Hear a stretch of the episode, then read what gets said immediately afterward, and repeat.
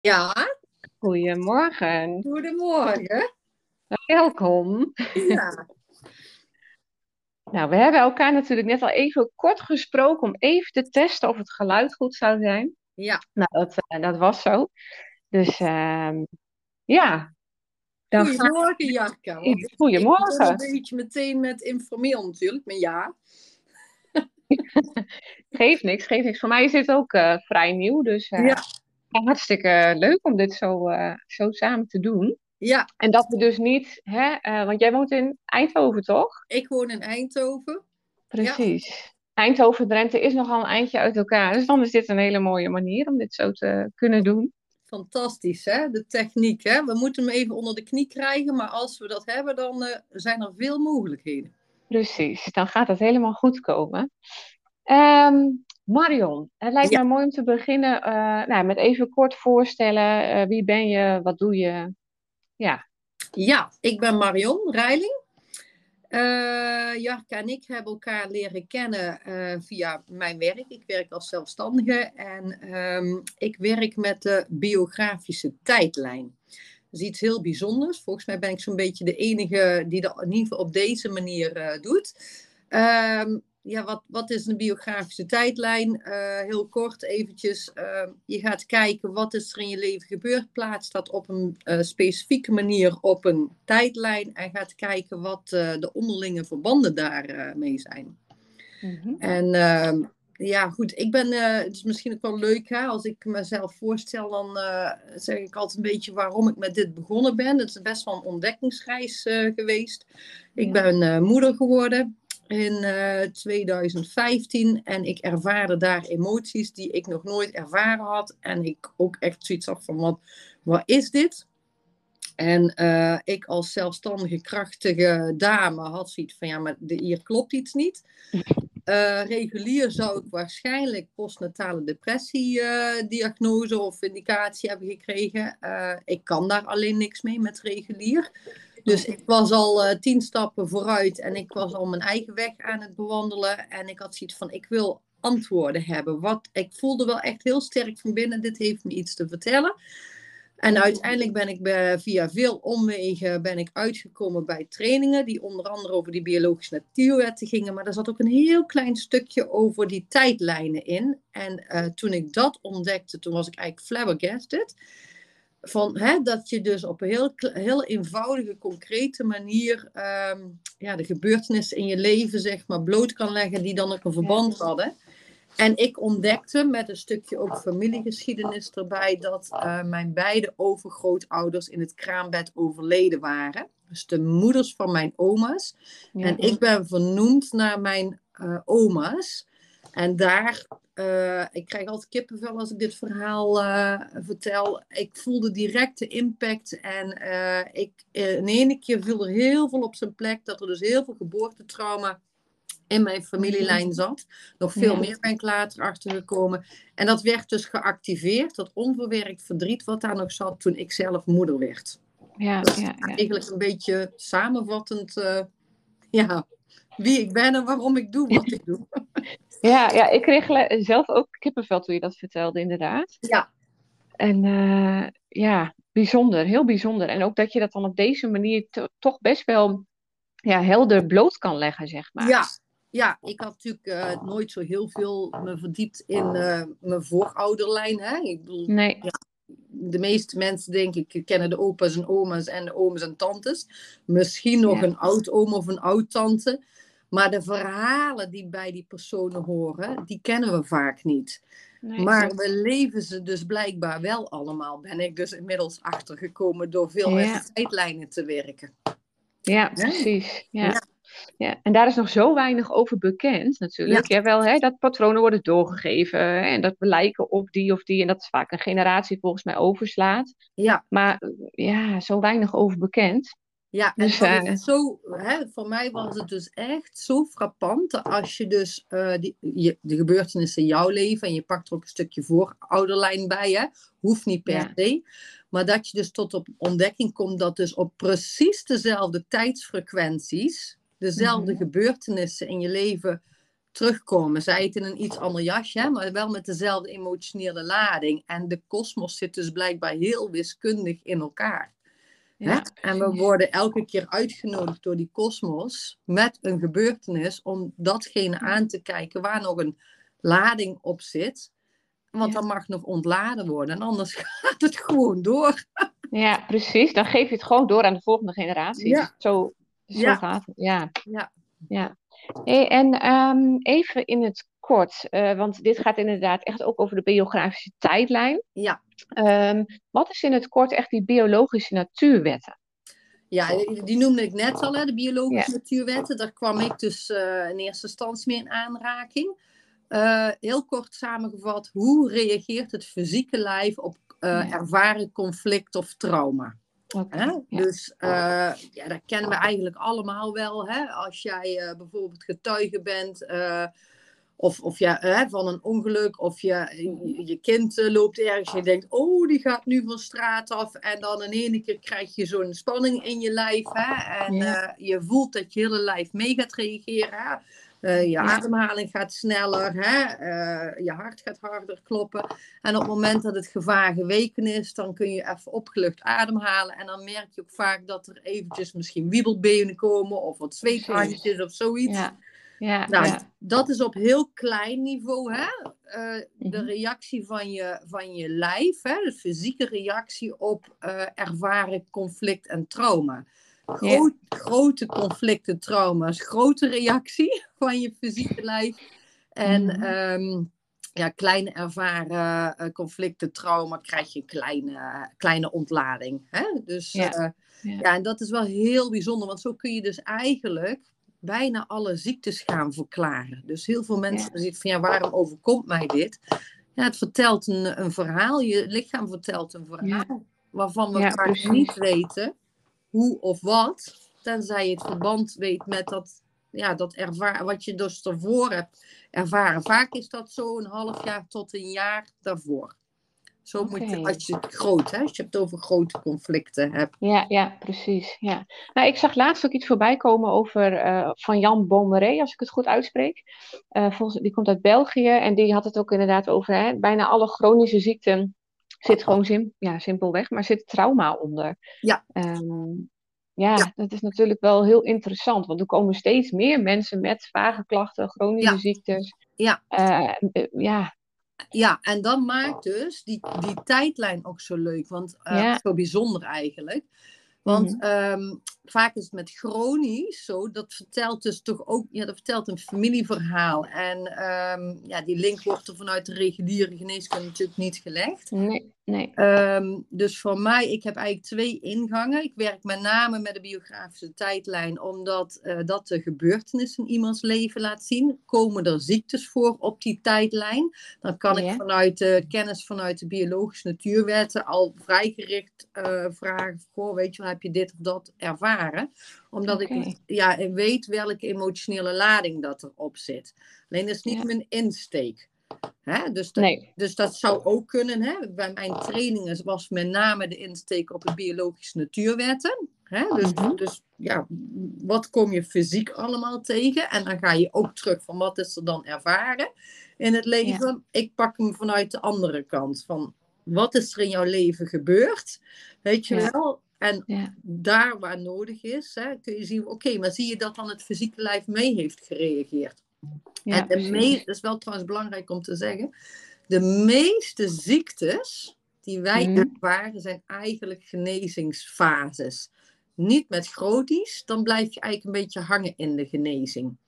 Hè? Alleen dat is een hele andere manier van, van naar ziektes kijken.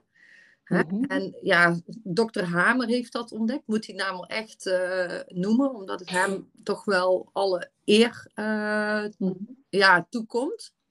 Uh, ja. als je zijn persoonlijke verhaal eigenlijk kent, ik weet niet of dat, dat tijd is om daar een stuk, ja, het, het is eigenlijk, hij heeft dus een conflict ervaren met zijn zoon, hè?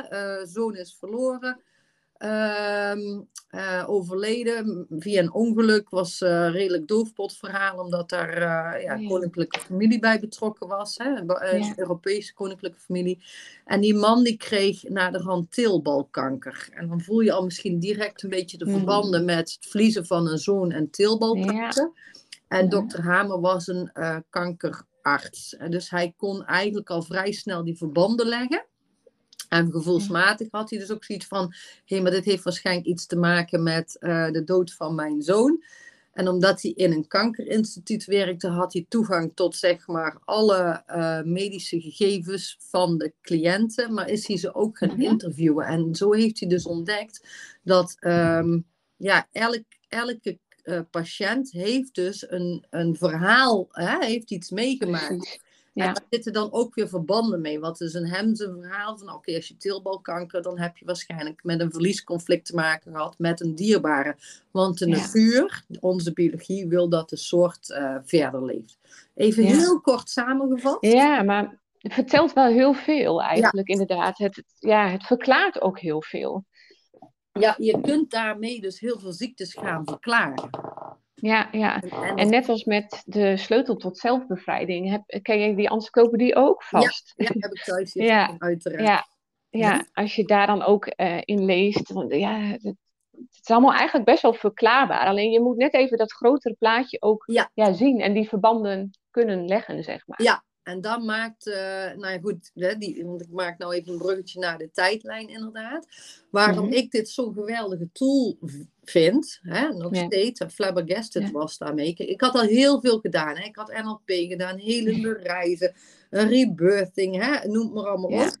Ehm, maar dit, die biografische tijdlijn, is zover als ik ontdekt heb, de enige tool die ehm, dit concreet maakt. Dus, wat er in, dus verbanden concreet maakt. Gewoon om, en, en gebeurtenissen zijn gebeurd in je leven, waardoor je het ook niet kunt ontkennen.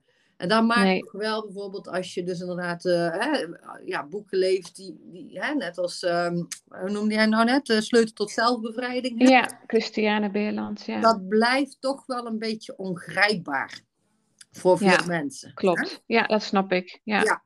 En dat is de tijdlijn niet. De tijdlijn, weet je wel, het is gebeurd in je, in, je, in je leven. Je kunt het niet ontkennen op het moment dat je het ziet staan. En je ziet dat Ja, ja, ja. op precies dezelfde moment in je leven. Hè, we moeten op een specifieke manier die tijdlijn eh, ja, hè, schrijven op een specifieke manier. Ja, dan kun je niet anders dan. Je kunt het niet ontkennen. Hè? Nee, precies. Het is ook persoonlijk en dat resoneert natuurlijk en je voelt het dan Ja. ook meteen. Ja. Eh, omdat je het zelf ook hebt ervaren. Dus, Ja. ja. Dus, Ehm, even kijken, misschien is het mooi, want we hadden natuurlijk, of jij had een post gedaan, hè, of er nog vragen waren van mensen. Eh, nou heb ik zelf hem ook gedeeld en nou eh, heb ik daar een tweetal vragen uitgekregen. En jij gaf nog aan, nou, ik heb ook veel gestelde vragen die, die terugkomen, dus laten we daar dan mee, Ja. mee beginnen. goed. Ehm, een veelgestelde vraag is dan ook, is dit net zoiets als een familieopstelling? Ja, dat is bijzonder. Ik heb gelukkig zelf eh, een paar keer familieopstellingen meegemaakt, waardoor ik hem ook goed kan vergelijken. Mhm. Ehm, ik denk dat in de kern ehm, de rode draad misschien wel hetzelfde is. Hè? Je, je hebt hetzelfde doel, namelijk doorbreken van patronen, maar de invulling Ja. is heel anders. Als je naar familieopstellingen gaat, dan heb je dus te maken met ehm, mensen die, hè, die neergezet worden. Hè? Dus eerst ga je intunen op eh, de energie van mensen. En daarna moet de persoon, ehm, de hoofdpersoon zal ik het maar eventjes noemen, hè, die dus de familieopstelling ehm, gewenst heeft, ja, die Mhm. gaat dan uiteindelijk ehm, aan de hand van figuranten, hè, gaat hij veel meer kijken van, goh, wat gebeurt hier nou? Dus dat is meer, je stelt mensen op. Dus je hebt Ja. dus echt mensen nodig. Als ik naar de Ja. tijdlijn, de biografische tijdlijn, die, die, eh, die naam heb ik er trouwens zelf aan gegeven, omdat ik dat wat meer de lading eh, dek. Dan kun je dus gewoon een stuk zelf doen. Als je weet, eenmaal weet hoe je hem eh, in moet vullen, zou je er zelf mee aan de slag gaan. Maar ehm, nou, iedereen kent wel een tijdlijn. Hè? Vanuit de Ja. geschiedenis. Ja. Eh, die tijdlijn die is, zoals wij die kennen, bijna wordt die eigenlijk altijd horizontaal geplaatst. Nou, de biografische tijdlijn, dat is een verticale lijn. En die herhaalt zich ook. Dus je hebt vaak een aantal lijnen naast elkaar. Dus een beetje afhankelijk van uh, de, je geboorte, wanneer je het huis uit bent gegaan.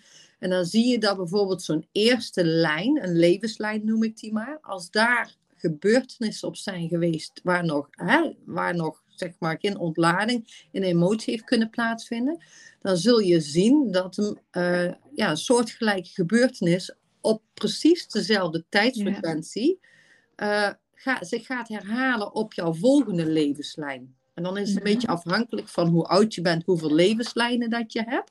Maar het is dus ergens lijkt het op elkaar, maar de invulling is compleet anders. Hè? En ik denk dat dit de biografische tijdlijn met name mensen aanspreekt die het fijn vinden om dingen echt concreet te hebben. Ja, om het visueel zichtbaar ook te maken. Ja. ja. ja. En um, even kijken, die twee lijnen, Marion, want voor de, uh, nou, voor de of luisteraar waarvoor het echt heel erg nieuw is.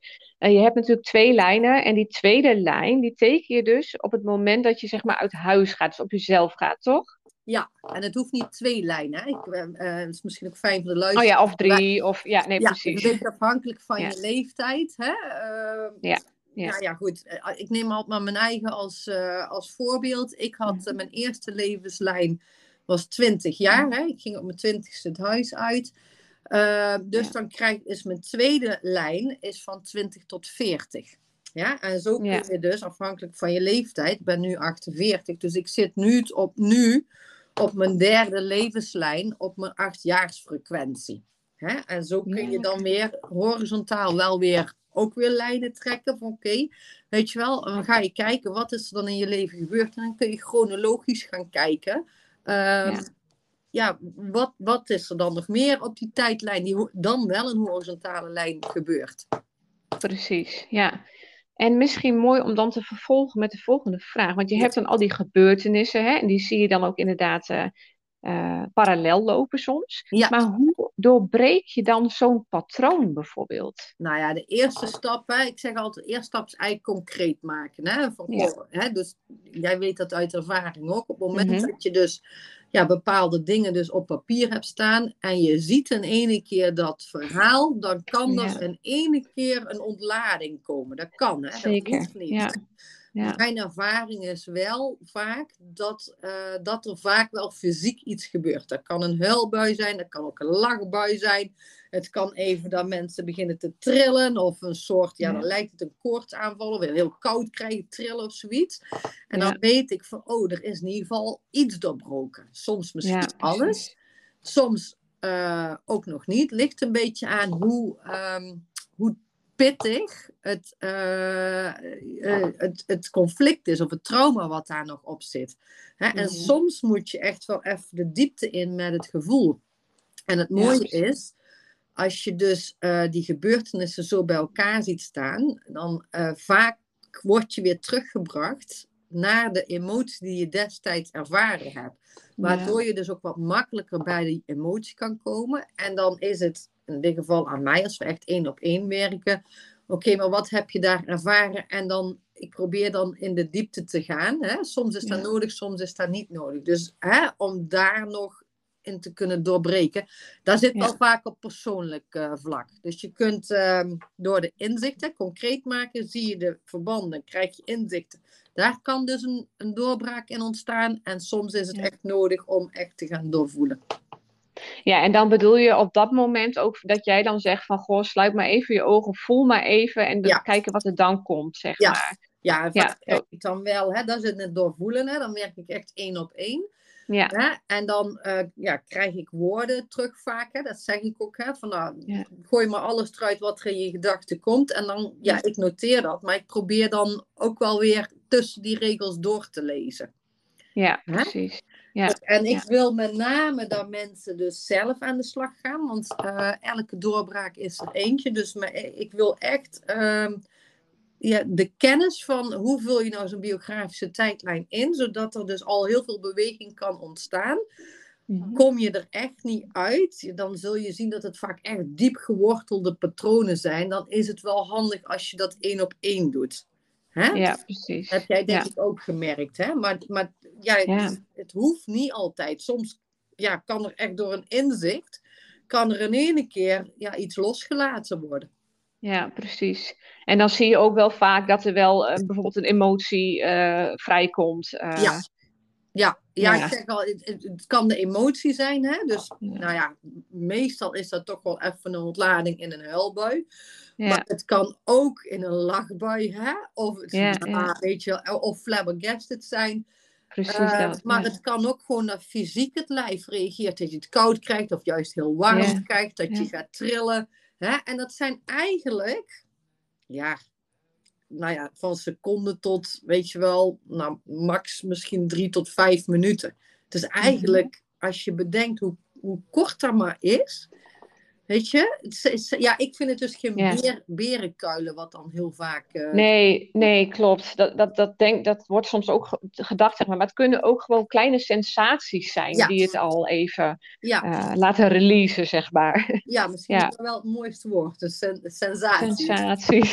Dat is misschien ook wel sensationeel als je het meemaakt, of niet? nou, dat is het wel. Dat is het zeker. ja. En gisteren, gisteren ging ik nog even weer mijn eigen tijdlijnen doorkijken. En het bijzondere is dat, ik, dat je dan denkt van, hè, uh, nou, ik heb het destijds doorvoeld en het is ook zo, want er kwam natuurlijk best wel veel los toen. Ja. Uh, maar ik, nou ja, ik las een bepaald woord en bam, daar ging die weer. Dus uh, dan zit er toch nog een bepaalde trigger op, zeg maar, een bepaalde ja, lading. Ja. En dat is ook mijn ervaring. Dit, als je eenmaal de tijdlijn uit gaat werken, ja. Weet je, en je gaat uh, deze weg op. Um, mm. Het blijft in beweging. Weet je? Ja. En, ja. uh, en het kan ooit een ontlading dat je in het bos loopt en dan in één ja. keer krijg je een inzicht of in de douche staat of als je inderdaad even je verhaal terugleest. Uh, ja. Maar er is, ja, ik kan het niet, niet helemaal woorden aan geven, maar het lijkt alsof er een verbinding is gelegd ook met ja, ook misschien de voorouderlijn of zo. Yeah. Weet je wel, de, al die, ja, al die, die kraaltjes hè, die aan elkaar geregen zijn. Ja, ja, die willen ontladen. Hè. De, de natuur, Precies. de biologie zit zo in elkaar, die wil altijd harmonie. Dus zolang als er nog geen harmonie is, mm -hmm. zal er nog ge, ge, ge, op een um, vriendelijke manier misschien geduwd worden. ja, maar ik, het is gewoon bijzonder. Het is wel ja, ja. bijzonder om te ervaren ook. Ja, hè? En ja, dan, dan vraag ik een, want uh, jij hebt het zelf bij mij, hè? Wij hebben één op één gewerkt, hè? Dus uh, ja. dit is inmiddels um, nou, dik, dik een jaar geleden, hè? Bijna anderhalf misschien wel, hè? Ja, december 2022. Ja, ja kijk. Um, kijk, voor mij, ik, ik weet hè, dat als je eenmaal dit doorbroken hebt, of hè, dat zijn thema's, hè? Je kunt niet in één keer alles doorbreken dat er naar de rand heel veel beweging ontstaat. Dus ik zie het maar zo van, goh, weet je wel, we dragen allemaal kralenkettingen om onze nek. De ene ja. uh, ketting is wat zwaarder dan de andere.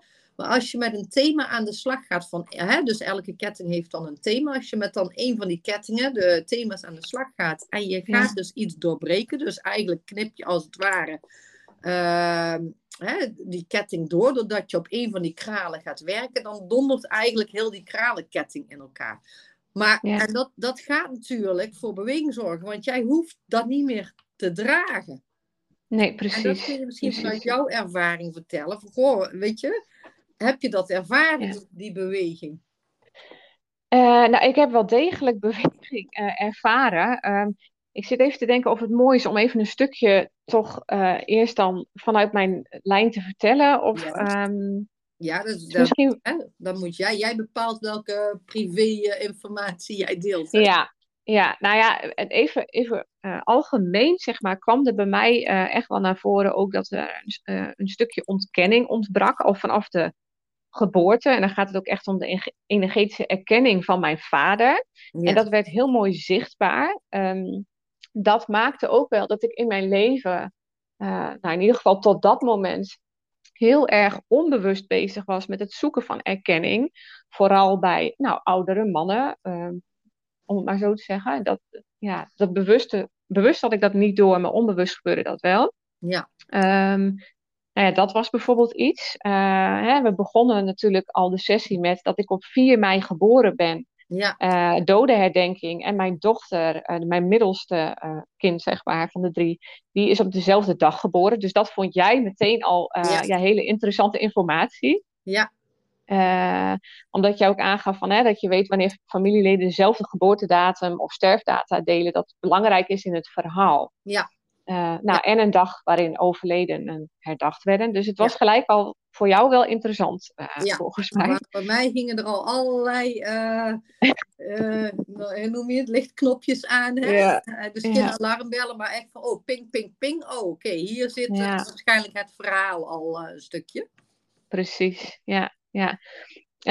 Um, even kijken, wat was dan verder nog interessant om te noemen? Nou, ik ben natuurlijk zelf, kwam ik als onverwacht, uh, ja, als cadeautje zeg maar op de wereld. Ik ben twaalf jaar ongeveer na mijn zus ben ik geboren. Uh, eigenlijk was die kans gewoon niet heel, was er bijna niet.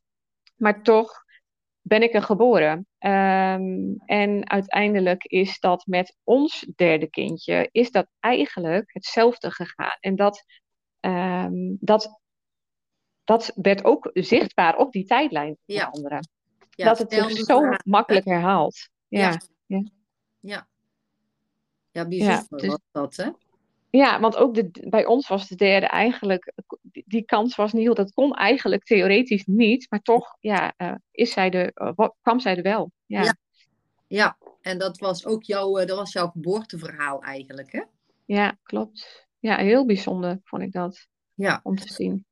Ja. En um, even kijken, nou, wat is verder nog mooi? Oh ja, wat mijn hele grote inzicht ook wel was, was uh, mijn ouders zijn gescheiden toen ik zelf 2,5 jaar was. Ja. Uh, heb je heel mooi op de tijdlijn uitgetekend. En op diezelfde horizontale tijdlijn, uh, waar ik 21 jaar ben, ben ik zelf ook met mijn partner. Nou ja, gaan scheiden. We gingen uit elkaar, we woonden samen en ik ben toen ook uit elkaar gegaan. Dus als je dan ziet dat dat zo makkelijk herhaalt, ja, maar ik was me daar toen echt niet bewust van.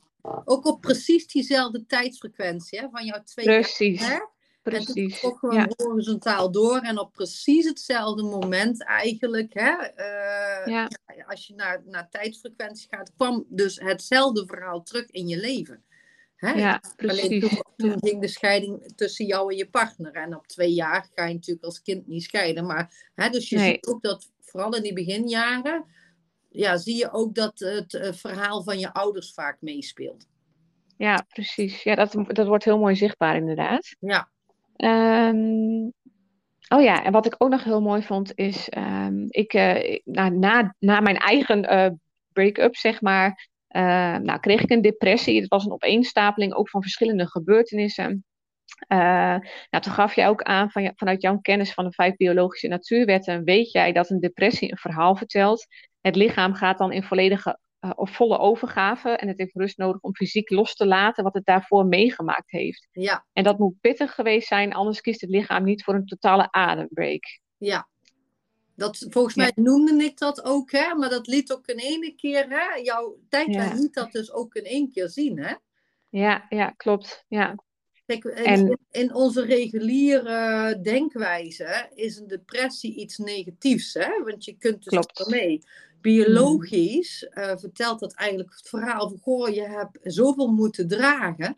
En blijkbaar is dat ergens nu losgelaten. Maar je bent daar zo stikmoe van dat het lichaam niet anders kan dan nee. die wil uitrusten. Alleen Precies. in onze cultuur is daar geen ruimte meer voor. Nee, nee, nee. Nee, dat, nee. Hè, maar het kwam wel inderdaad naar boven toe. En alleen al dat, weet je wel, van, want een depressie, ik denk dat heel veel mensen dan toch denken, oh ik ben depressief, wat is er mis met mij? Hè, dat krijg je dan vaak als denkwijze en dat worden weer overtuigingen.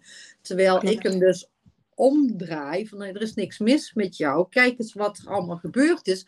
Vind je het gek dat, je, dat jouw lijf rust ja, geeft? Precies, dat je lichaam dat, uh, ja, nodig heeft, zeg maar. Maar net als um, dat jij ook aangaf van, uh, nou, hè, haar depressie vertelt het verhaal van het meisje van 2,5 dat toen door moest uh, ja. gaan met, met het leven, zeg maar. Ja. En inderdaad, wat jij ook zegt, dat dragen, dat onbewust dragen eigenlijk, hè, van ja. alles wat er gebeurt. Ja. Ja, je wilt je ouders niet tot last zijn, hè? want die, heb, die hebben al verdriet en dat soort dingen. Doe je dan onbewust. Kijk, als, als, hè, zeker als tweejarig meisje, hè, je moet gewoon mee in wat er op dat moment gebeurt. Hè? En je hebt nog niet in het bewustzijnsvlak, onbewust natuurlijk wel, uh, heb je natuurlijk heel veel emoties, maar daar ja, word je niet in, vaak niet in gezien of gehoord. Weet ik wel. Dus je kunt niet anders dan dat meedragen. Maar dan zie je dus dat op precies dezelfde tijdfrequentie hè, in jouw leven, dus op die horizontale lijn, op jouw tweede, hè, op die tweede levenslijn, ja, dan, dan word jij dus toch weer door de kosmos uh, uitgenodigd of geconfronteerd met een precies, eigenlijk precies dezelfde gebeurtenis. Want yep. ja. die, die lading zit daar dus gewoon nog op, weet je? En waarschijnlijk, ik weet niet of je dat inmiddels gedaan hebt, hè, als je naar voorouderlijnen gaat kijken, dan zit waarschijnlijk het thema van scheiden of gescheiden raken van. Hè? Want dat kan ook. Hè? Mhm. Scheiding hoeft niet altijd tussen uh, ja, partners te zijn. Hè? Want je, je kan natuurlijk ook zijn dat je gescheiden raakt om, uh, van familieleden door hè, oorlog of immigratie of door werk of weet ik veel wat allemaal. Hè? Kijk, het, ja. allemaal een scheidingsconflict, maar allemaal in een ander jasje. Ja, precies. Ja, allemaal op een andere manier. Ja. ja. Dus dat zou ook kunnen. Hè? Dus ja, als je dan inderdaad terug gaat kijken van, goh, hè, dat, de meeste mensen worden dan wel nieuwsgierig. Ja, hoe zit het dan mhm. met mijn voorouders? Hè? En um, ja, het jammer is dat we natuurlijk niet alle verhalen weten. Maar wat ik wel gemerkt heb, is dat je krijgt blijkbaar de informatie die je op dat moment nodig hebt. Ja. Om, uh, om ja, iets te kunnen, te kunnen, Ja, om iets te kunnen ontladen. Dat, zo zit dus blijkbaar ook uh, de kosmos in elkaar. Zo van, ja oké, okay, jouw voorouders hebben dat dus ervaren. Maar ja, het zit er nog steeds. Dus we laten het maar in jouw leven terugkomen, zodat je niet altijd de kennis van je voorouders nodig hebt. Wat ik wel merk is dat het soms wel uh, handig is. Weet je wel? Ja, om het, ja klopt. Om, ja. ja, en hè, dat je soms een link legt van, oh, mijn oma heeft het zelf, oh jee. Ja, weet je? Ja. Ja, en uh, nou ja, verschilt dat dan ook nog heel erg per persoon? Want ik merk zelf heel erg dat ik, uh, nou, ik ben uiteindelijk, uh, nou, uh, er kwamen van allerlei inzichten uit en uiteindelijk ging het bij mij meer de vrouwenlijnkant op. Dus daar heb ik uiteindelijk nog verder onderzoek in gedaan. Ik ben van mezelf ook echt onderzoekend type, dus ik wil dat dan ook gewoon graag weten. Ja. maar uiteindelijk met de familieopstelling nog. Um, de vrouwenlijn opgesteld. Want ik had natuurlijk heel interessant op mijn tijdlijn een heel groot gat. Eigenlijk vanaf mijn nou ja, derde levensjaar tot bijna mijn negende, denk ik. Ja. Dus, uh, en op diezelfde horizontale lijn, waar ik een jaar of uh, 22 ben, 23, 24, nou ja, tot 27, zijn er best wel wat heftige gebeurtenissen ja. geweest.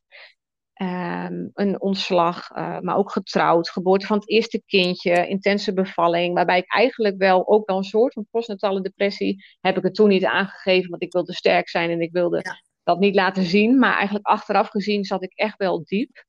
Ja. Um, nou, en mijn oma is destijds overleden, mijn oma waar ik echt een hele sterke band mee had. Ja. Um, dus dat, is, dat was voor jou ook hele interessante informatie. Hè? Uh, en dat mijn, uh, ja, eigenlijk die dat een heel groot gat is ten tijde van mijn kinderjaren daar. Ja.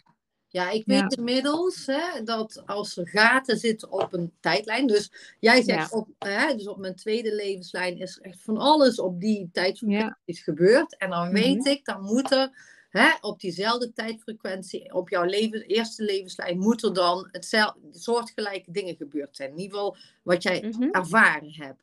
Precies. Alleen het is bij jou zo uh, leeg. Hè? Dus, mm -hmm. ik, ik weet inmiddels dat um, als er grote gaten blijven, hè, dus als de tijdlijn laat zien van goh, er moet daar iets gebeurd zijn, dan ja. weet ik dat het zo heftig is dat uh, ja. onze natuur, onze biologie, die kan niet anders dan dit weg te drukken om verder te kunnen. Dus eigenlijk zijn het ja, vergeten herinneringen die zo heftig zijn om door te kunnen, hè, ja, moet, dat, moet dat weg. Maar ja, je wil uiteindelijk niet dat dat op je derde tijdslijn ook weer gaat herhalen. En dan zijn het dus wel, uh, dat is voor mij wel, uh, oké, okay, we weten dus niet helemaal precies. Dus of je gaat inzoomen op wat je dan allemaal ervaren hebt op die tweede tijdslijn.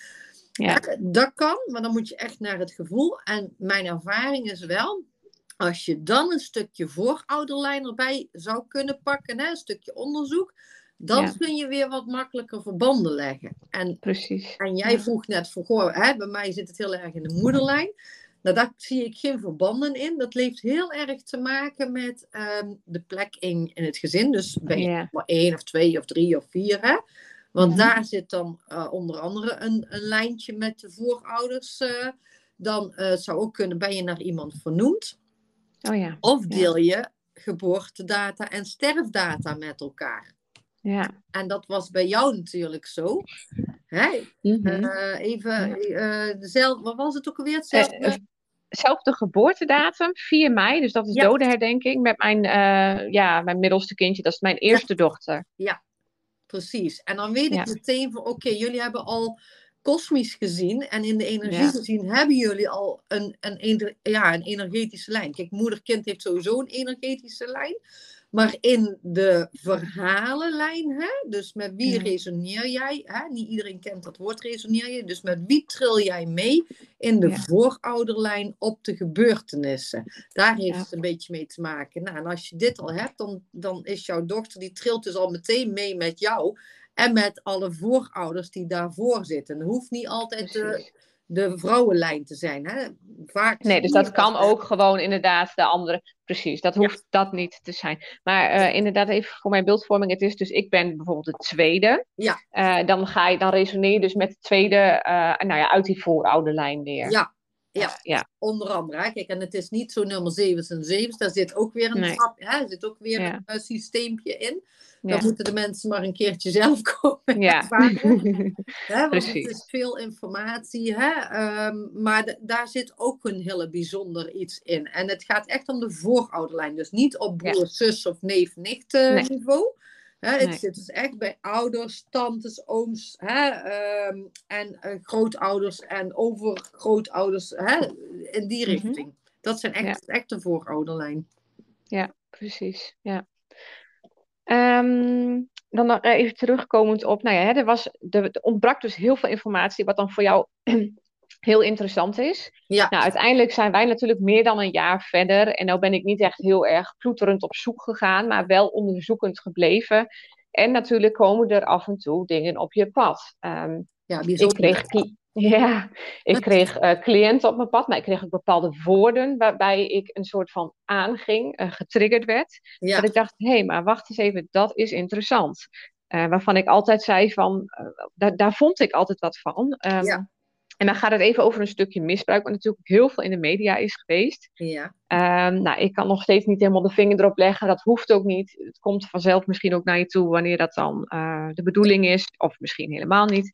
Maar als kind weet ik wel dat ik ook eh, heel veel buikpijn had. Heel veel Ja. klachten. Alleen dat waren vage klachten. Er werd een zeurende blinde darm genoemd. Eh, maar ik had heel veel buikpijn als kind op de basisschool. ja. Ehm, nou ja, goed. eh, wat daar precies is gebeurd, dat heb ik dus nog niet helder. Hoeft ook niet. Maar goed, interessant. Komt vanzelf. Als de Komt tijd er rijp voor is, weet je. Hè? Ehm, Precies. maar ik hoor jou wel zeggen, hè, er is al veel beweging. Hè? Dus dat Ja, is als, het ja. ene, als het ene losgelaten is, het ene thema, dan kun je dus met die volgende ketting aan de slag. En dan is het soms ook fijn om weer eens een keer die tijdlijn erbij te pakken. Hè? Of eh, ja, hè, dingen die op je pad komen. Of eh, wat voel ik je nou bij of zo. Hè? Ja, Eh, een stukje onderzoek. Hè? Soms kan het ook interessant zijn om eens een keer bijvoorbeeld een medisch dossier op te vragen. Hè? Zodat je in ieder geval alles jaartallen of zo hebt. Van, goh, hè, is, ben ik toen Ja. een keer naar de dokter geweest? Of, hè, er zijn wel wat invalhoeken. Ik, ik noem het ook gewoon wel, het leven Ja. is, is een puzzel. En wij zijn gewoon die puzzelstukjes neer aan het leggen. ja. En net als een echte puzzel, sommige, hè, de randjes die hebben we vrij snel vaak. Hè? ja, maar ja. En de rest? Ja, de rest. Hè? Maar uiteindelijk, als je focus houdt, gaat die puzzel, Ja. eh, ah, eh, ja, blijft die dus, ga je die afmaken. En eh, het- je moet wel, de uitdaging zit hem wel erin, dat je je niet gaat verliezen nee. in, eh, ja, maar ik moet, ik moet, ik moet. Want dan blijf je ook weer hangen in je conflict, weet je wel. Ja. Laat het gewoon ook op tijd gewoon weer los. Ja. Vertrouw erop dat je de informatie krijgt die je nodig hebt. En dan pak je Nou, dat. Weet je wel, Ja. af en toe weer eens een keer zo'n tijdlijn bij. Hè? Of, eh, of je maakt iets mee en je denkt, oh, maar dit raakt mij. En dan is het, dat zijn wel weer interessante momenten. Oké, maar hoe was dat dan op diezelfde Mhm. tijdsfrequentie? Ik denk wel, als je eenmaal hiermee aan de slag gaat, dat je dat niet helemaal meer loslaat. Nee, nee, precies. Nee, dat heb ik ook zelf zo ervaren hoor, klopt. En wat jij ook zegt is dat je niet uh, want het is natuurlijk best wel verraderlijk om daarin te blijven hangen. Wat is er allemaal gebeurd? Maar nee, hè, daarin ook vertrouwen van nee, hè, je, je, leeft nu. Uh, Je mag vooruitkijken. Maar het kan interessant zijn, vooral voor jezelf met bepaalde klachten of dingen, van, uh, om, ja, om dit te onderzoeken. Ja, en dat is dus inderdaad, ja, de roep komt vanzelf, om het zo maar heel bazaal te zeggen. Hè? Kijk, soms zijn je klachten dusdanig, en dat is dus, hè, of, of wat je meemaakt is zo heftig, dat dat de duw is die je nodig hebt om juist, hè, wat ik dus in mijn moeder worden, hè, als dat niet was gebeurd, dan, dan, weet je, ik moest dus blijkbaar eerst moeder worden, om dus dit te ervaren en om dit dus allemaal te ontdekken. Dat is dus hoe het bij mij is ja, geactiveerd en in gang is gezet. Dan had ik dit, deze kennis was bij mij nooit zo, uh, uh, had nooit zo'n impact gemaakt als ik niet ervaren had wat ik ervaren heb toen ik moeder werd. Nee, nee, precies. Dus toen uh, werd jij hierin gedrukt, om het maar even zo te zeggen. Ja, dat is het enige, de enige manier om mensen te mhm. laten groeien.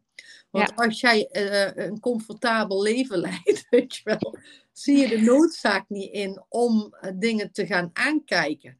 Maar ja, het zit er dus wel in die tijdlijn. Dus ja, we vloeken soms wel van, godsamme, hè, waarom overkomt mij dit of ik heb het zwaar of dit daar. Maar ga je dan voorbij dat stuk kijken en kijken hoe, hè, dat is een stukje voor ja. ga, je, ga je dus hiermee aan de slag of niet? Hè? Neem je de verantwoording of niet? Wil je ja. dus aankijken, doe je dat wel en ga je het ontladen? Ja, dan is mijn ervaring, dan gaan er alleen maar mooie dingen op je pad komen. Doe je dat niet, dan weet je gewoon, hij dan komen. Ja, precies. Ja, maar dan blijf je een soort van ja, struikelen, of hoe wil ik dat zeggen? Ehm, ik vond dat jij dat zo mooi op de website hebt staan bij innerpreneurschap. Van het is je vleugels uitslaan en de uitdaging aangaan te kiezen voor een leven inside out to change your life. Ja, hè, dus een challenge to change your life. Hè? Ja, ja. En voor mij is dat dus ook evolutie. Dan denk ik van ja, weet je, we kunnen, we kunnen ja, in hetzelfde cirkeltje blijven gaan. Hè, of mhm. dat dat nou collectief is of op persoonlijk vlak. Maar uiteindelijk wil de natuur dat niet. Hè? De natuur wil groeien. En uiteindelijk zit in onze innerlijke natuur, zit eigenlijk die, die, die diepe wens eigenlijk ook. Hè? Ik zeg altijd van, vond dat zo mooi met, uh, met corona toen ook, hè? van de kinderen die dan... Uh, ja, niet naar school moeten, mm hè, konden. Oh, maar ze hebben een achterstand dit en daar. En ik zeg, goh, wat bijzonder. Ik zeg, ja, op, op het stuk misschien wat wij als mensen bedacht hebben. Ik zeg, maar de mens is van nature leergierig. Kijk maar naar een pasgeboren babytje. Die ontwikkelt zichzelf. Die besluit op een zelf van, oh, ik wil kruipen. Ik wil stapjes gaan zetten. Dus dat zit in onze natuur. Dat we willen groeien. En dat, dat moet, want anders hebben we geen evolutie. We willen toch niet in deze ja, en de, deze wereld blijven hangen met zoveel uh, nou ja, ellende. Niet dat we daar nee. zoveel, uh, zeg maar op collectief niveau altijd veel aan kunnen doen. Maar als je je eigen persoonlijke stukken aankijkt, ja, dan, dan ga je op die manier maak je dus wel, doe je, eh, ben je deelgenoot van het uh, mooier maken van een uh, wereld. Nou, dat, ja, ja. En niet alleen voor jezelf, maar inderdaad voor het collectief, maar ook bijvoorbeeld voor je kinderen, die, als je die hebt. Uh, ja, dus... Ja, en dan sla ik een brug, want dat is dus precies waarom ik uh, als focus, hè, um, ik richt me dus met name op moeders. Kijk, die biografische tijdlijn die geldt voor iedereen, ook voor vaders. Hè, dus misschien sla ik nog ooit ook de, de, de brug naar de vaders. Mm-hmm. Maar omdat ik zelf zo'n impact heb gehad met het moeder worden, en toen dacht ik, potverdorie, um, als ik toch eens die moeders in hun kracht kan gaan zetten, zodat ze niet ook nog eens, hè, um, ja, hoeveel moeders ja, maken er niet iets mee, of tijdens de zwangerschap, Klopt, of tijdens de bevalling, of direct daarna. En regulier krijgen ze allerlei stempels, terwijl ik denk, van, ja, mhm. maar je draagt dus blijkbaar al zo'n groot um, geboorteverhaal, traumaverhaal met je mee, ja. dus blijkbaar op jouw schouders ligt. Weet je, en dan krijg je daarna ook nog eens op je schouder gelegd dat jij hè, een postnatale depressie hebt. Of het ligt aan de hormonen. Zodat ik denk, ja, maar dit klopt niet. Die vrouwen, die moeders, die dragen al zoveel. Dus laten we alsjeblieft eens gaan kijken wat ze dragen. En laten we dan die moeders gaan dragen. Zo van, Ja, maar je bent hartstikke hard aan het werk. Dus dat is mijn motivatie geweest om te zeggen, ja, maar ik ga me echt op moeders richten. Want als zij dus begrijpen waarom ze zich voelen zoals ze zich gevoeld hebben, rondom dat hele moeder worden, geboorteverhalen, zwangerschapsverhalen, er gebeurt zoveel in. En als zij dus in hun kracht kunnen komen staan, dan gaan ze het ook aan hun kinderen doorgeven. En zo ja, doe ik mijn bijdrage aan een betere wereld. Ja, ja. ja in plaats van het stapelen, inderdaad, uh, ja, dat mogen ze loslaten en inzien van ja, wat voor power daar eigenlijk onder ligt. Ja. En dat is wel heel mooi, jouw bijdrage inderdaad daarin. Het uh, mooie is dat ik had vanuit de opleiding op een gegeven moment mijn uh, eerste of tweede proefcliënt was dat. Die had uh, nou, ongeveer vijf verschillende diagnoses. ook op één stapeling van verschillende diagnoses. Ja, waarbij we uiteindelijk ook hebben ingezien van dat is allemaal gestapeld al vanuit de voorouderlijn. Ja. En uh, je gaat op een gegeven moment leven met die stempels, waarbij je eigenlijk ook op datzelfde vlak of niveau blijft hangen. Waarbij je denkt van ik kan niks meer en hè, zo. Alleen dat is helemaal niet wat het is. Je kunt er zeker wel wat mee. Alleen er is nog te, ja, te weinig kennis over uh, ja, ja, bekend. Men wens natuurlijk dat regulier en uh, Precies, nou ja, het alternatief noemen. Dat in ieder geval deze wijsheid en deze kennis, weet je wel, het mag, mag met elkaar gaan samenwerken.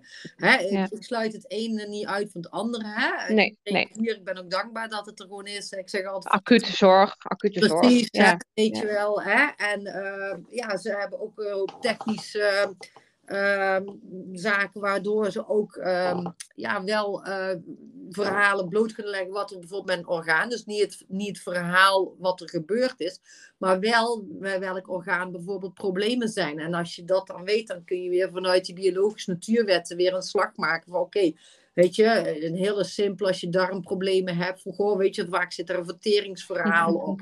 Hè, wat kan ja. verteerd worden? Maar dan ga je wel kijken, wat is er dan meegemaakt hè, in het leven hè, van die persoon. Wat hij dan, hij of zij niet kan verteren. En uiteindelijk blijft dus dan zo'n darm zich, um, die blijft ja, conflictactief noemen we dat vanuit de biologische natuurwet. Dus die blijft maar uh, denk van, oh, maar uh, ik, moet, uh, ik moet blijven actief. Hè, op, ja, ja. in, de, in een sprint, hè, nou niet eens in de sprint, hè, in een marathon blijven lopen, want ja. ja. het is nodig. Maar dit is, dit is ook heel interessant wat je nu weer doet met de darmen. Want ik werk natuurlijk nu ook gedeeltelijk bij Holland Barrett. En als je daar de gemiddelde hulpvraag hoort, zit het hem echt heel erg momenteel collectief dus in de vertering. Mensen hebben last van hun darmen of hè, de opname is niet goed. Uh, en, en, glutenallergie. Maar ja, ga die glutenallergie eens verder onderzoeken. Hoe interessant is dat? Ja, uh, hoe kan het dat je dat ineens hè, niet meer kan verteren, zeg maar? Ja, dus, nou ja dan, dan vaak zit er inderdaad ook van een activatiemoment in, waarbij ja. er op dat moment, dus iets meegemaakt waarbij er op dat moment uh, grote hoeveelheden gluten of misschien hè, zoiets was, dat, dat mm. zou kunnen de andere kant is natuurlijk ook wel van, goh, ons voedingspatroon is natuurlijk ook ver, uh, hè, zeker. Ja, ook ver van onze natuur af. Ik heb het zelf ook meegemaakt, uiteindelijk wel weer helemaal in harmonie uh, kunnen krijgen. Hè? Met, uh, met onder andere dit, maar ook een stukje met acupunctuur en kruiden. Dus het is soms echt wel een zoek, zoektocht. En ik zeg, oh, het is gewoon fantastisch als we elkaar, zeg maar, ja, gaan ondersteunen in een samenwerking. Hè? Dat, is, uh, dat gaat ooit een keertje komen, maar zover zijn we nog niet. En tot die tijd uh, ja, zul je zelf uh, de verantwoording moeten gaan nemen, of op onderzoek uitgaan, of hoe ik het ook moet noemen, om ja. dit verder te gaan onderzoeken. Van waar komt dit vandaan? Als daar de behoefte van is. Niet iedereen Precies. heeft daar behoefte aan. Nee, dat is ook zo. En dat is ook, ja. Dat is ook oké, weet je wel. Dat is ook oké, ja. We hebben uiteindelijk, dat is ons grootste goed, hè, is de keuzevrijheid. Het is, het is aan onszelf om uh, te kiezen welke weg we inslaan. En daar, uh, ja, dat, dat is uiteindelijk uh, allemaal individueel een stukje, ja, een keuze. Ja, nee, precies. Ja. Dus, um... hey, en Marion, nog even een vraag die um, ook iemand stelde. Um, kun je een tijdlijn maken wanneer je eigenlijk heel weinig herinneringen of data hebt? Ja, in principe wel. Kijk, iedereen, bijna iedereen weet wel de geboortedatum en het moment Mhm. waarop hij uit huis is gegaan. En ehm, ja, goed, voor mij, ik, dat is weer die puzzel. Hè. Kijk, Ja, er zijn altijd wel wat herinneringen. klopt. Ja, Ja, om, Ja. En eh, ik probeer altijd op die tijdlijnen zowel met een leeftijd te werken als met een jaartal. Zodat je soms ook wel terugkomt eh, makkelijk of via de leeftijd of juist via een jaartal. ja, Dus soms heb je maar één herinnering nodig hè, om al eh, een lijntje uit te zetten. Klopt, uit eigen ervaring net zo. We begonnen, en ik had natuurlijk zelf ook niet heel veel herinneringen meer uit mijn kindertijd, maar toch wel die geboorte, nou dat was wel één.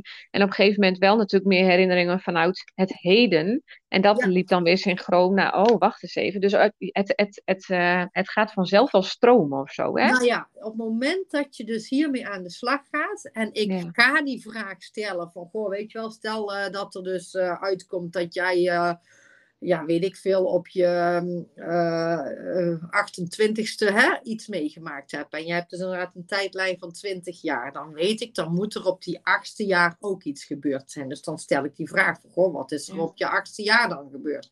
Ja, Mhm. weet je, soms word ik ook echt aangekeken zo van, ja, eh, weet ik het, hè? Maar op het moment dat je die vraag stelt, dan, Mhm. dan, ja, dan wordt er toch iets van een soort van zaadje geplant. Hè?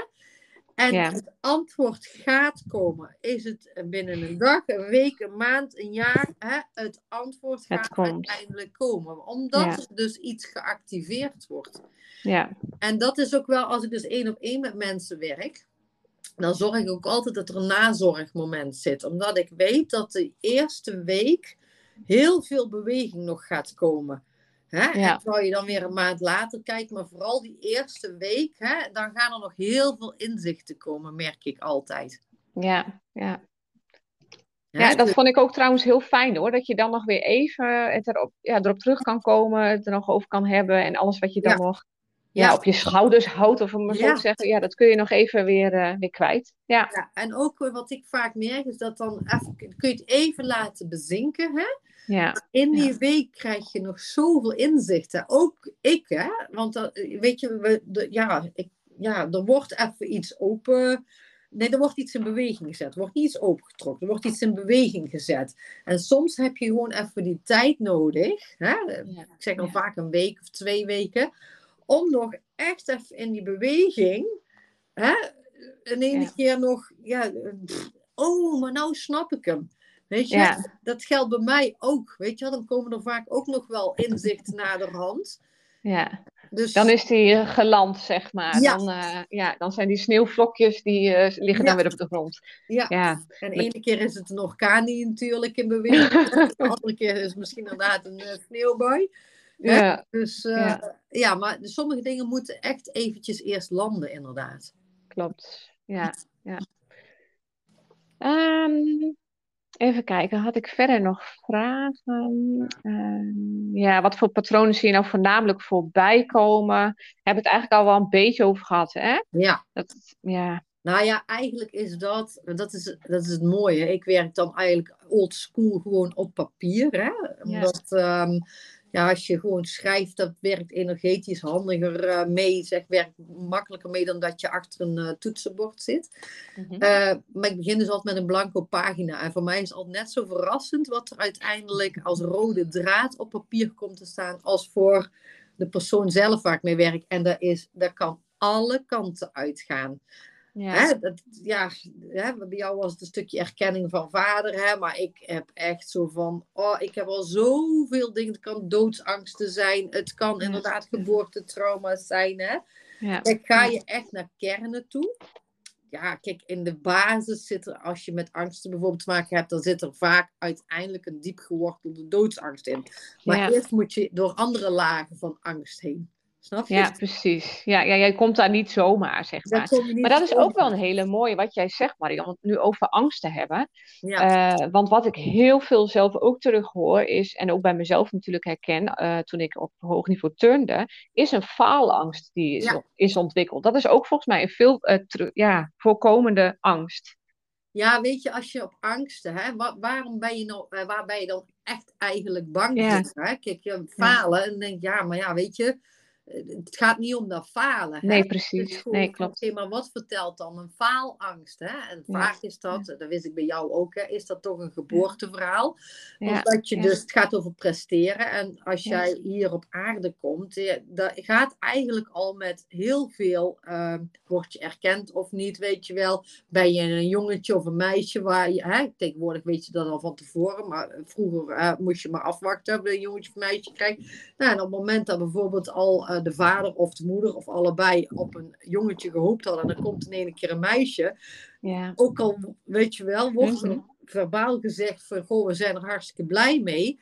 Gevoelsmatig kan dat een heel ander verhaal zijn. En kan Ja. dus eh, bijvoorbeeld al energetisch sprake zijn van een teleurstelling, wat het kindje dus bijvoorbeeld al voelt. En die kan dan al een erkenningsconflict eh, hebben. Of kan, dat is Ja, eigenlijk... nog bizar, bij- hè? Bizar. Ja, ja. ja, maar zo kan het ook met scheidingen, zie ik heel veel. Dat, hè, wat ik zeg van, nou ja, Ja. in mijn eigen geboorteverhaal, mijn moeder ehm, had bloedverlies, moest daardoor naar het ziekenhuis. En eh, toen in de tijdsgeest, hè, dus moet ook vaak dingen in de tijdsgeest plaatsen, ging de moeder natuurlijk naar de kraamafdeling, kindje ging naar de kinderafdeling. Nou, dat is Ja. al een scheidingsconflict. Dus eh, biologisch gezien kan het kindje zeker direct na de geboorte, maar eigenlijk al een aantal jaren, kan niet eh, overleven zonder de moeder. Het is compleet afhankelijk van de moeder. Dus dan krijg je eigenlijk al ook al met doodsangstconflict. Maar, terwijl dat ook een scheidingsconflict is. Maar onder die scheidingsconflict zit natuurlijk een overlevingsverhaal.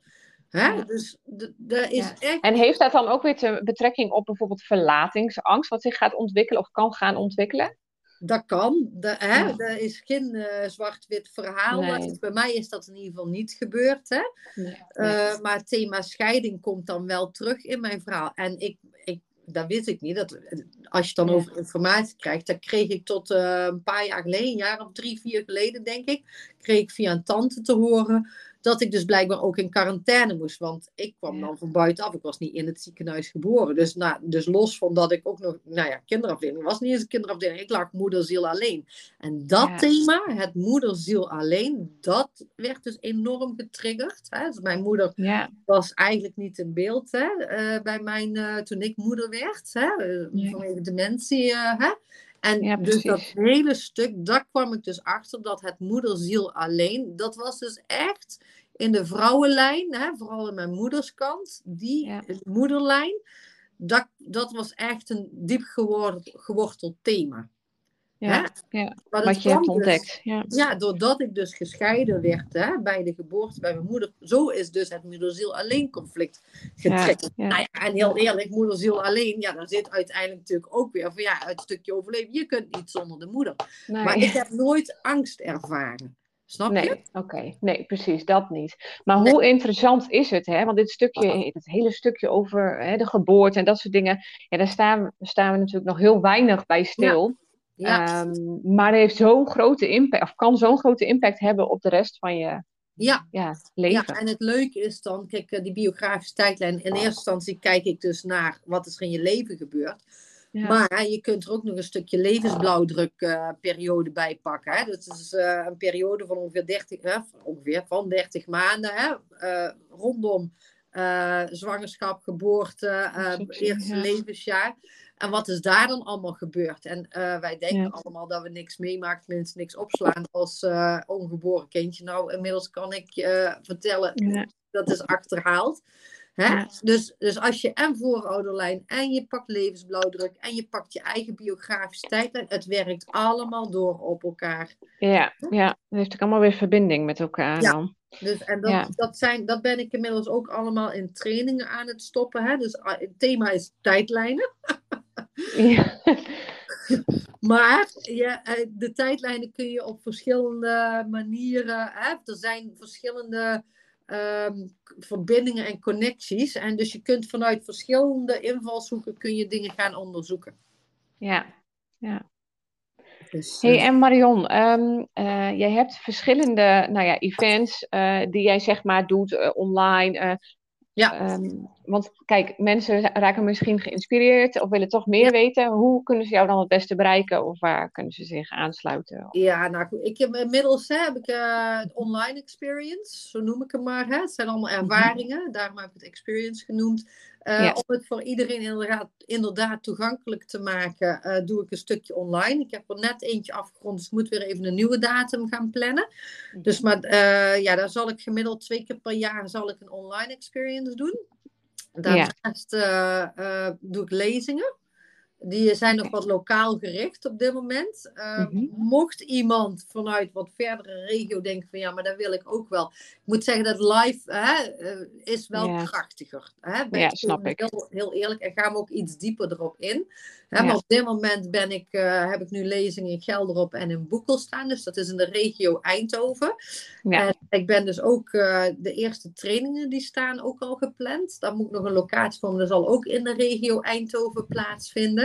En vanuit daar ga ik gewoon, um, weet je, het maakt mij niet uit. Al moet ik een stukje reizen voor een lezing, mits daar uh, ja, toch wel wat interessante aantal deelnemers. Ik kom niet ergens naar weet ik veel waar in uh, Nederland als er maar twee deelnemers zijn. Nee, maar uh, ja, mochten mensen zich geroepen voor, voelen en die denken van, nou, goh, weet je wel, ik heb wel een ruimte, of dat het nou een huiskamer is, of een studio, of een praktijk, weet ik van. Ik heb een leuk netwerk, ik wil miljoen wel eens uitnodigen. Nou, dat kan ook altijd. Maar vooralsnog zit ik in ieder geval nu fysiek in regio Eindhoven. En ja. online de andere optie om in ieder geval ook je kennis mee te maken. Maar dat blijft wel, ja, dat gaat wat minder de diepte in natuurlijk. Snap ik. Ja, dat is toch anders. Ja. ja, ja. nee, maar goed om te weten, dat sowieso. Um, ja. Het lijkt, uh, Judith en mij, wij hebben sinds kort, uh, doen, uh, nou ja, runnen, hoe zeg je dat? Uh, zijn wij de drijvende kracht achter de Neo-community. Dat zit hier in Drenthe in echt een hele mooie locatie. Um, en daarbij zijn we ook een, bezig, een beetje bezig met de planning. Dus het zou ons, ons wel heel leuk lijken om een keer een lezing te houden bij ons daar in Drenthe. Nou, uh, Weet je goed, wat? dat kunnen we nog wel even afspreken. Ik wou zeggen, gaan we na de podcast uh, gaan we ja. kijken van gewoon, moeten gewoon een datum gaan prikken. Precies, precies. Dus dan, uh, ja. Dus dan is voor jouw volgers dan dus nu al interessant. hey, als je ge geïnteresseerd bent, hou dan jullie nieuwsbrief of Facebook of Instagram of weet ik wat in de gaten. Ja. Facebook, Instagram, inderdaad.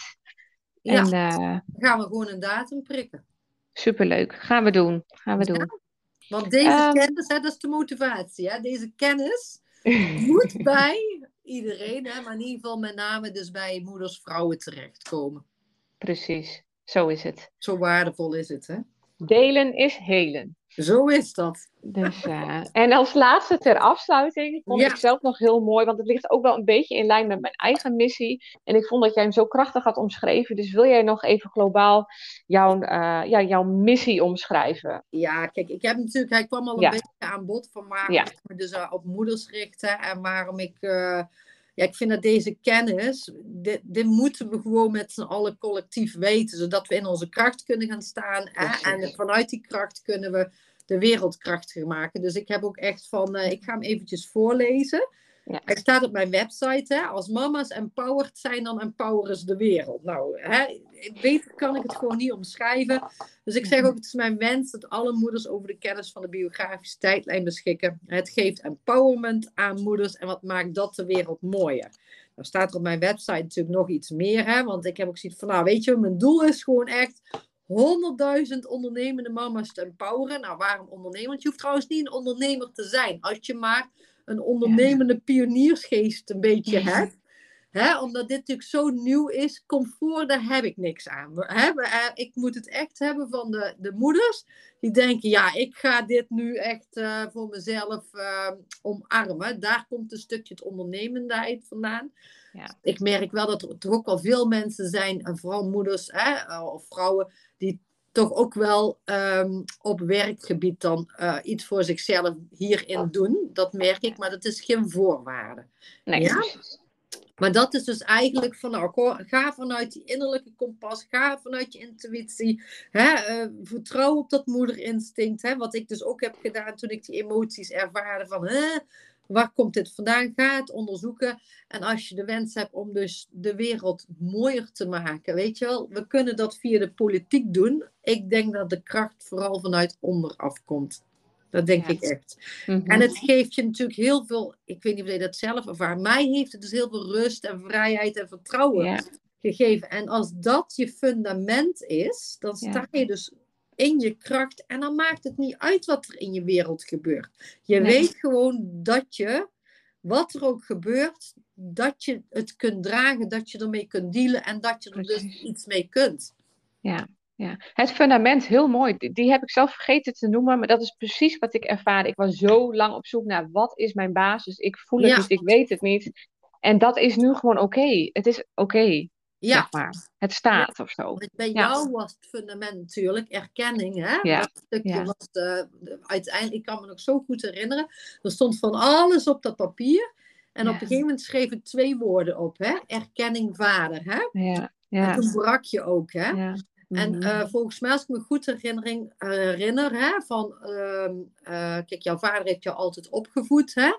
Maar energetisch zat daar nog niet de erkenning van ze is mijn dochter. Klopt dat? Nee. Herinner ik me dat goed? Ja, dat klopt, dat klopt. En uiteindelijk heb ik ook weer kunnen zien dat hij, zeg maar, die erkenning niet heeft gehad. Dus om het even Ja. een groter plaatje groter te maken. Ja, Eh, dus daar kwam heel veel ac- ja, acceptatie ook van. ja. eh, ja, eerst natuurlijk verdriet, maar Ja. ja, Ja, ook begrip, denk ik. Hè? begrip. Ja, Begrip, ja, Van oké, nou, Het is nou oké, ja. En nou Ja. begrijp ik waarom dingen dus eh, gebeurd zijn.